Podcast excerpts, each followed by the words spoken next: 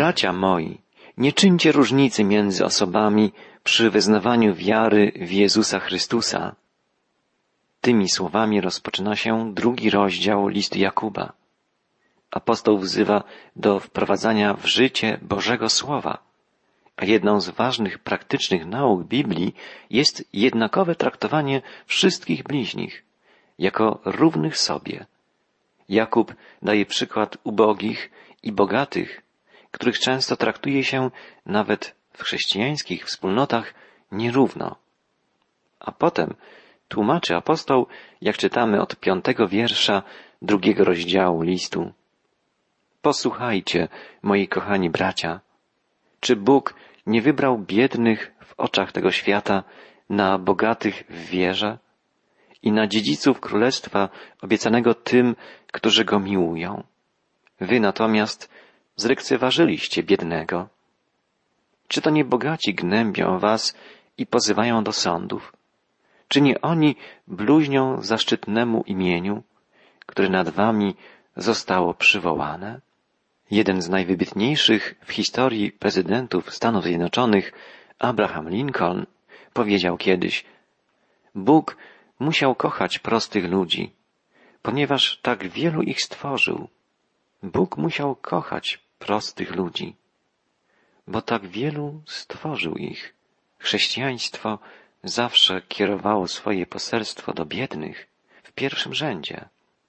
W swoim pierwszym kazaniu, wygłoszonym w Nazarecie, w synagodze, Jezus powiedział, Duch Pański namaścił mnie, abym zwiastował ubogim dobrą nowinę. Jezus cytował wtedy słowa proroka Izajasza, posłańcy Jana Chrzciciela, pytając, czy Jezus jest Bożym Mesjaszem, usłyszeli w odpowiedzi, ubogim zwiastowana jest Ewangelia. Pierwsze błogosławieństwo Jezusa zapisane przez Mateusza brzmi następująco. Błogosławieni ubodzy w duchu, albowiem ich jest Królestwo Niebios. A Łukasz zapisał jeszcze takie słowa. Błogosławieni ubodzy, albowiem wasze jest Królestwo Boże. Kiedy Jezus został usunięty z synagog i zaczął zwiastować na drogach, na wzgórzach, na brzegach jeziora, jego poselstwo przede wszystkim trafiało do tłumu prostego ludu. Na początku chrześcijaństwa kaznodzieje przemawiali do tłumu ulicznego. Podkreślano to, że ci, z którymi się nikt nie liczy, stanowią szczególną wartość w oczach Boga. Przypatrzcie się zatem sobie, bracia, pisał apostoł Paweł do Koryntian, kim jesteście według powołania waszego, że niewielu jest między wami mądrych według ciała, niewielu możnych, niewielu wysokiego rodu. Nie znaczy to, że Chrystus i Kościół nie chcą wielkich, bogatych, mądrych i silnych. Musimy uważać, by nie popaść w skrajność. Ewangelia jednak tak wiele dawała biednym i tak wiele wymaga od bogatych, że właśnie biedni tłumnie odpowiadali od początku na jej wezwanie. To ubodzy, przeciętni ludzie chętnie słuchali Jezusa, kiedy chodził po drogach tego świata. Natomiast ludzie bogaci, jak na przykład bogaty młodzieniec, odszedł od niego zasmucony, ponieważ cenił sobie bardziej swój wielki majątek niż to, o czym mówił Jezus. Jakub nie zamyka drzwi przed bogatymi. Jest daleki od tego. Stwierdza natomiast, że Ewangelia Chrystusowa jest szczególnie droga człowiekowi ubogiemu. Pociąga ona tego, którego nikt nie chce. Obdarza wartością, poczuciem godności człowieka, którego świat uznał za kogoś bez wartości. Czasy, w których żył Jakub, odznaczały się występowaniem wielkich różnic społecznych. Bogaci ludzie wyzyskiwali biednych, podawali ich do sądów, żeby siłą ściągnąć zadłużenia. Lichwiarze doprowadzali prostych ludzi do skrajnego ubóstwa. Dlatego apostoł pisze, Czy to nie bogaci gnębią was i pozywają do sądów? Czy to nie oni bluźnią zaszczytnemu imieniu, które nad wami zostało przywołane? W świecie starożytnym istniał tak zwany areszt doraźny. Jeżeli wierzyciel spotykał dłużnika na ulicy, mógł go schwytać i dosłownie zawlec do sądu. Tak bogaci postępowali z biednymi. Nie mieli wobec nich współczucia. Siłą wydzierali ich ostatni grosz. Jakub nie potępia bogactwa, lecz potępia bogactwo bez współczucia. To człowiek bogaty zniesławia imię Chrystusa, którym nazywają się chrześcijanie jako ludzie Chrystusa.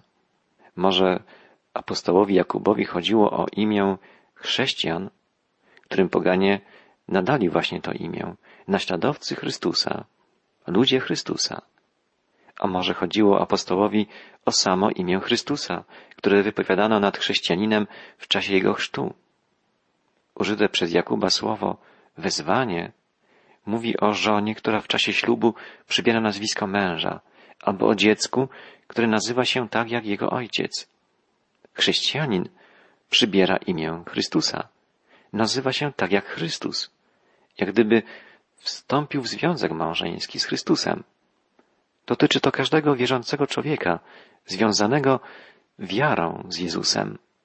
Tak więc bogaci i właściciele niewolników mieli wiele powodów, by zniesławiać imię chrześcijan.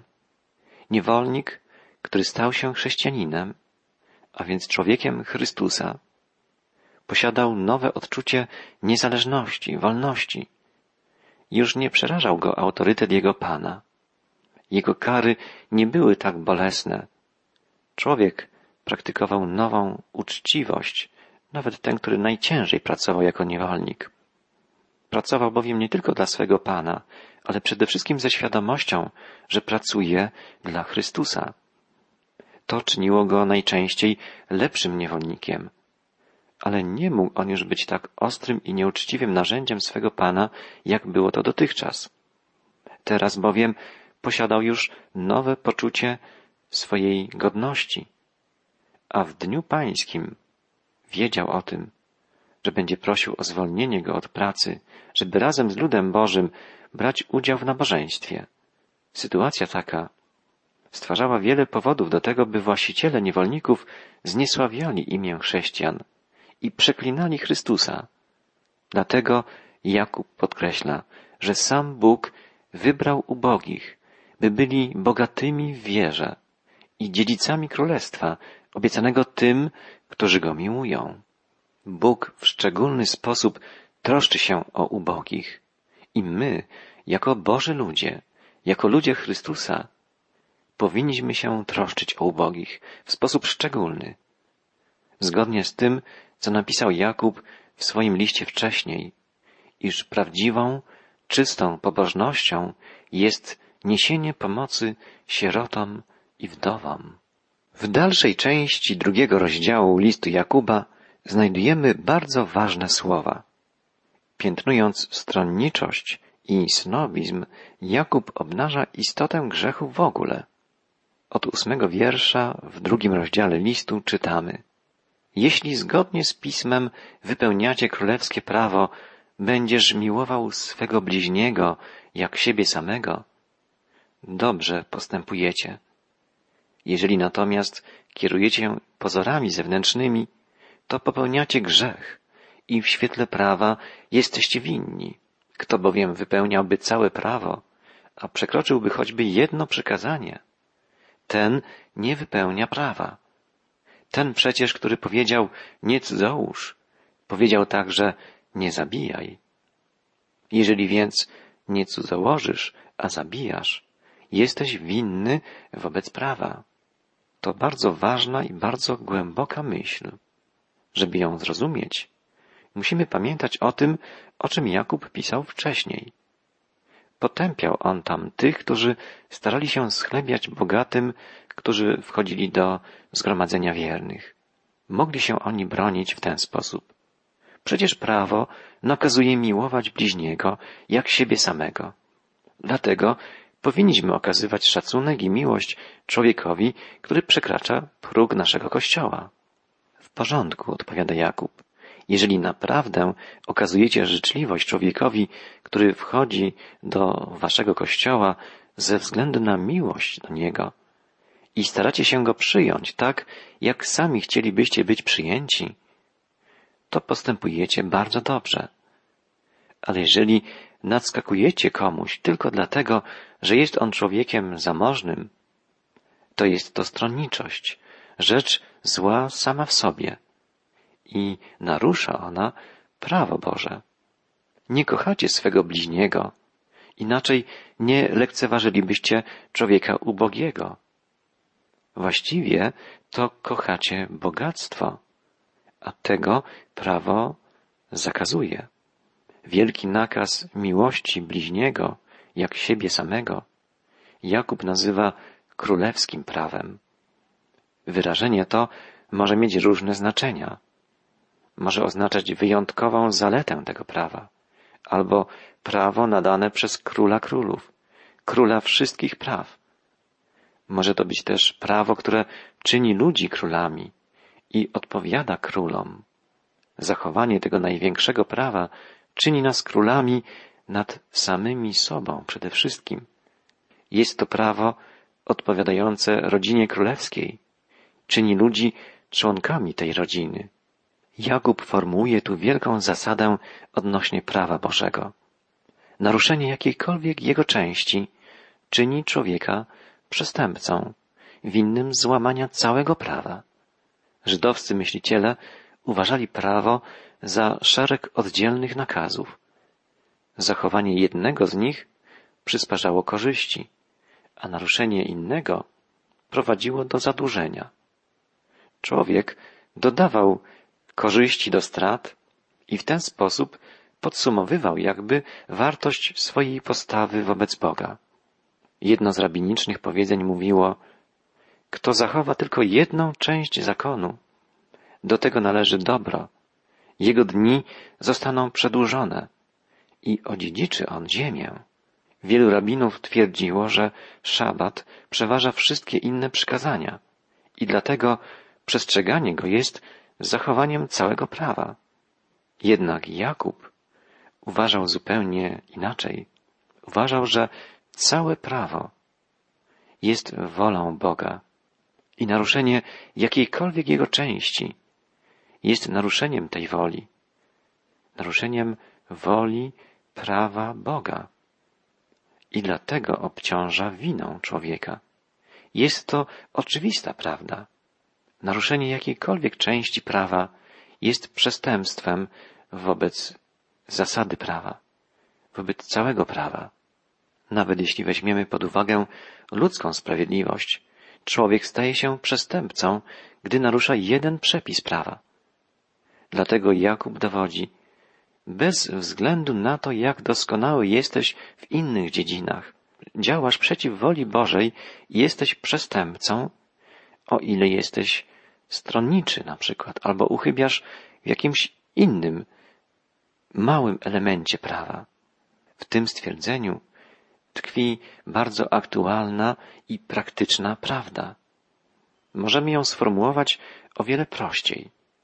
Ktoś niemal pod każdym względem może być dobrym człowiekiem, a mimo to nie dostaje mu jednej rzeczy. Jego postępowanie może być poprawne, słowa czyste, a obowiązki wykonywane przez niego bardzo starannie, drobiazgowo. Mimo to może on być człowiekiem na przykład twardym, szorstkim. Może posiadać wysokie mniemanie o sobie. Może być zbyt surowy, czy niesympatyczny, niemiły. Jeżeli tak jest, to jego dobroć ma poważne braki. Zawsze powinniśmy pamiętać o tym, że chociaż być może dokonujemy wielu dobrych rzeczy, to jednak zawodzimy w innych sprawach.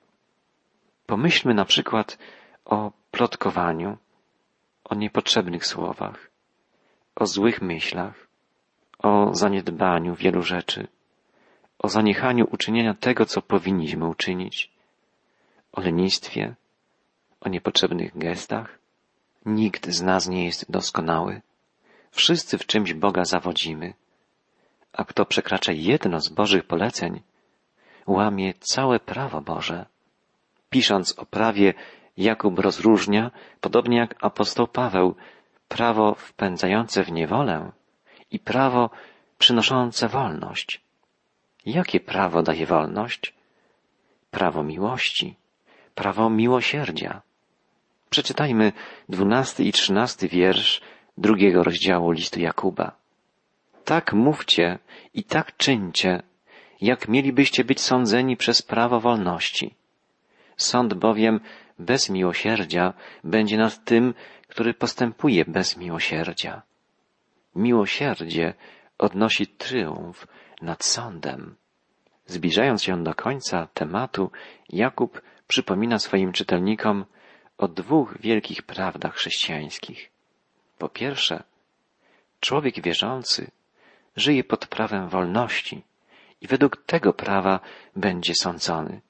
W przeciwieństwie do faryzeusza, do prawowiernego, ortodoksyjnego Żyda, życie chrześcijanina nie jest kierowane zewnętrznym zbiorem zasad i nakazów. Raczej kieruje nim wewnętrzny impuls miłości. Idzie on właściwą drogą, drogą miłości ku Bogu i ludziom, nie dlatego, że zmusza go do tego zewnętrzny przepis, czy straszy kara za niedopełnienie tego obowiązku. To miłość Chrystusa w jego sercu skłania go do takiego postępowania. Tak przynajmniej powinno być. Taki jest ideał, taka jest myśl Boża. Po drugie, chrześcijanin, człowiek wierzący, człowiek Chrystusa, zawsze powinien pamiętać o tym, że miłosierdzia dostępuje tylko ten, kto takie miłosierdzie okazuje. Zasada ta występuje w całym Piśmie Świętym. Odpuść przewinę bliźniemu, a wówczas, gdy błagać będziesz, zostaną Tobie odpuszczone grzechy. Gdy człowiek żywi złość przeciw drugiemu, jakże u Pana szukać będzie uzdrowienia? Nie ma on miłosierdzia nad człowiekiem do siebie podobnym, jakże błagać będzie o odpuszczenie swoich własnych grzechów? Czytamy już w Starym Testamencie. A Jezus mówił, błogosławieni miłosierni, albowiem oni miłosierdzia dostąpią. Bo jeśli odpuścicie ludziom ich przewinienia, odpuści i wam Ojciec wasz niebieski. A jeśli nie odpuścicie ludziom, i Ojciec wasz nie odpuści wam przewinień waszych. Nie sądźcie, abyście nie byli sądzeni, albowiem jakim sądem sądzicie, takim was osądzą. Te słowa Jezusa potwierdzają prawdę, iż miłosierdzia dostąpi tylko ten, kto okazuje innym miłosierdzie. Podobieństwo o niemiłosiernym słudze kończy Jezus stwierdzeniem, tak i Ojciec mój niebieski uczyni wam, jeśli każdy nie odpuści serca swego bratu swemu. Biblia wzywa nas więc bardzo mocno, jednoznacznie, żebyśmy okazywali innym miłosierdzie, gdyż sami miłosierdzia dostępujemy. Bóg przebaczył nam tak wiele. Dlaczego my nie mielibyśmy przebaczyć bliźnim? Jakub pisze, że miłosierdzie przewyższa sąd. Tak, nie powinniśmy nikogo osądzać, tylko okazywać mu miłość. Tak przecież względem nas postępuje Bóg, okazując nam najwyższą miłość w swoim Synu, Jezusie Chrystusie. Końcowy fragment drugiego rozdziału listu Jakuba zawiera słowa, które bardzo często są niewłaściwie rozumiane. Ten ważny urywek listu rozpoczyna się od stwierdzenia Cóż to pomoże, bracia moi, jeśli ktoś mówi, że ma wiarę, a nie ma uczynków? Czy wiara może go zbawić? Te słowa Jakuba są porównywane często z nauką apostoła Pawła. Wielu krytyków wskazuje na rzekome sprzeczności występujące pomiędzy nauką Pawła i Jakuba. Przy uważnej lekturze można jednak dostrzec, że Jakub nie naucza inaczej niż Paweł. Kładzie jedynie inaczej akcenty, nauczając na temat wiary i uczynków. Centralnym tematem listu Jakuba jest wiara, podobnie jak w listach apostoła Pawła. Jednak Jakub kładzie główny akcent na skutki, efekty wiary. Mówi o dobrych czynach jako o wyniku wiary, jako o owocu usprawiedliwienia. W nauczaniu apostoła narodów występują dwa aspekty usprawiedliwienia z wiary. Apostoł Paweł naucza o wierze jako o korzeniu zbawienia oraz o dobrych uczynkach jako owocu zbawienia. Innymi słowy, wiara jest czymś, co przynosi zbawienie, a dobre czyny czymś, co potwierdza zbawienie. Wiara jest warunkiem, a uczynki skutkiem zbawienia. Najpełniej formułuje Paweł te dwa aspekty zbawienia w liście do Efezjan, gdzie znajdujemy takie jego słowa. Łaską zbawieni jesteście przez wiarę i to nie z was. Boży to dar, nie z uczynków, aby się kto nie chlubił. Jest to stwierdzenie podkreślające prawdę, że usprawiedliwieni jesteśmy jedynie dzięki wierze, że nikt z nas nie jest sobie w stanie zasłużyć na zbawienie. Ale apostoł Paweł zaraz dodaje dalej, jesteśmy stworzeni w Chrystusie Jezusie do dobrych uczynków, do których przeznaczył nas Bóg, abyśmy w nich chodzili. I tu jest mowa o efektach, o skutkach zbawienia.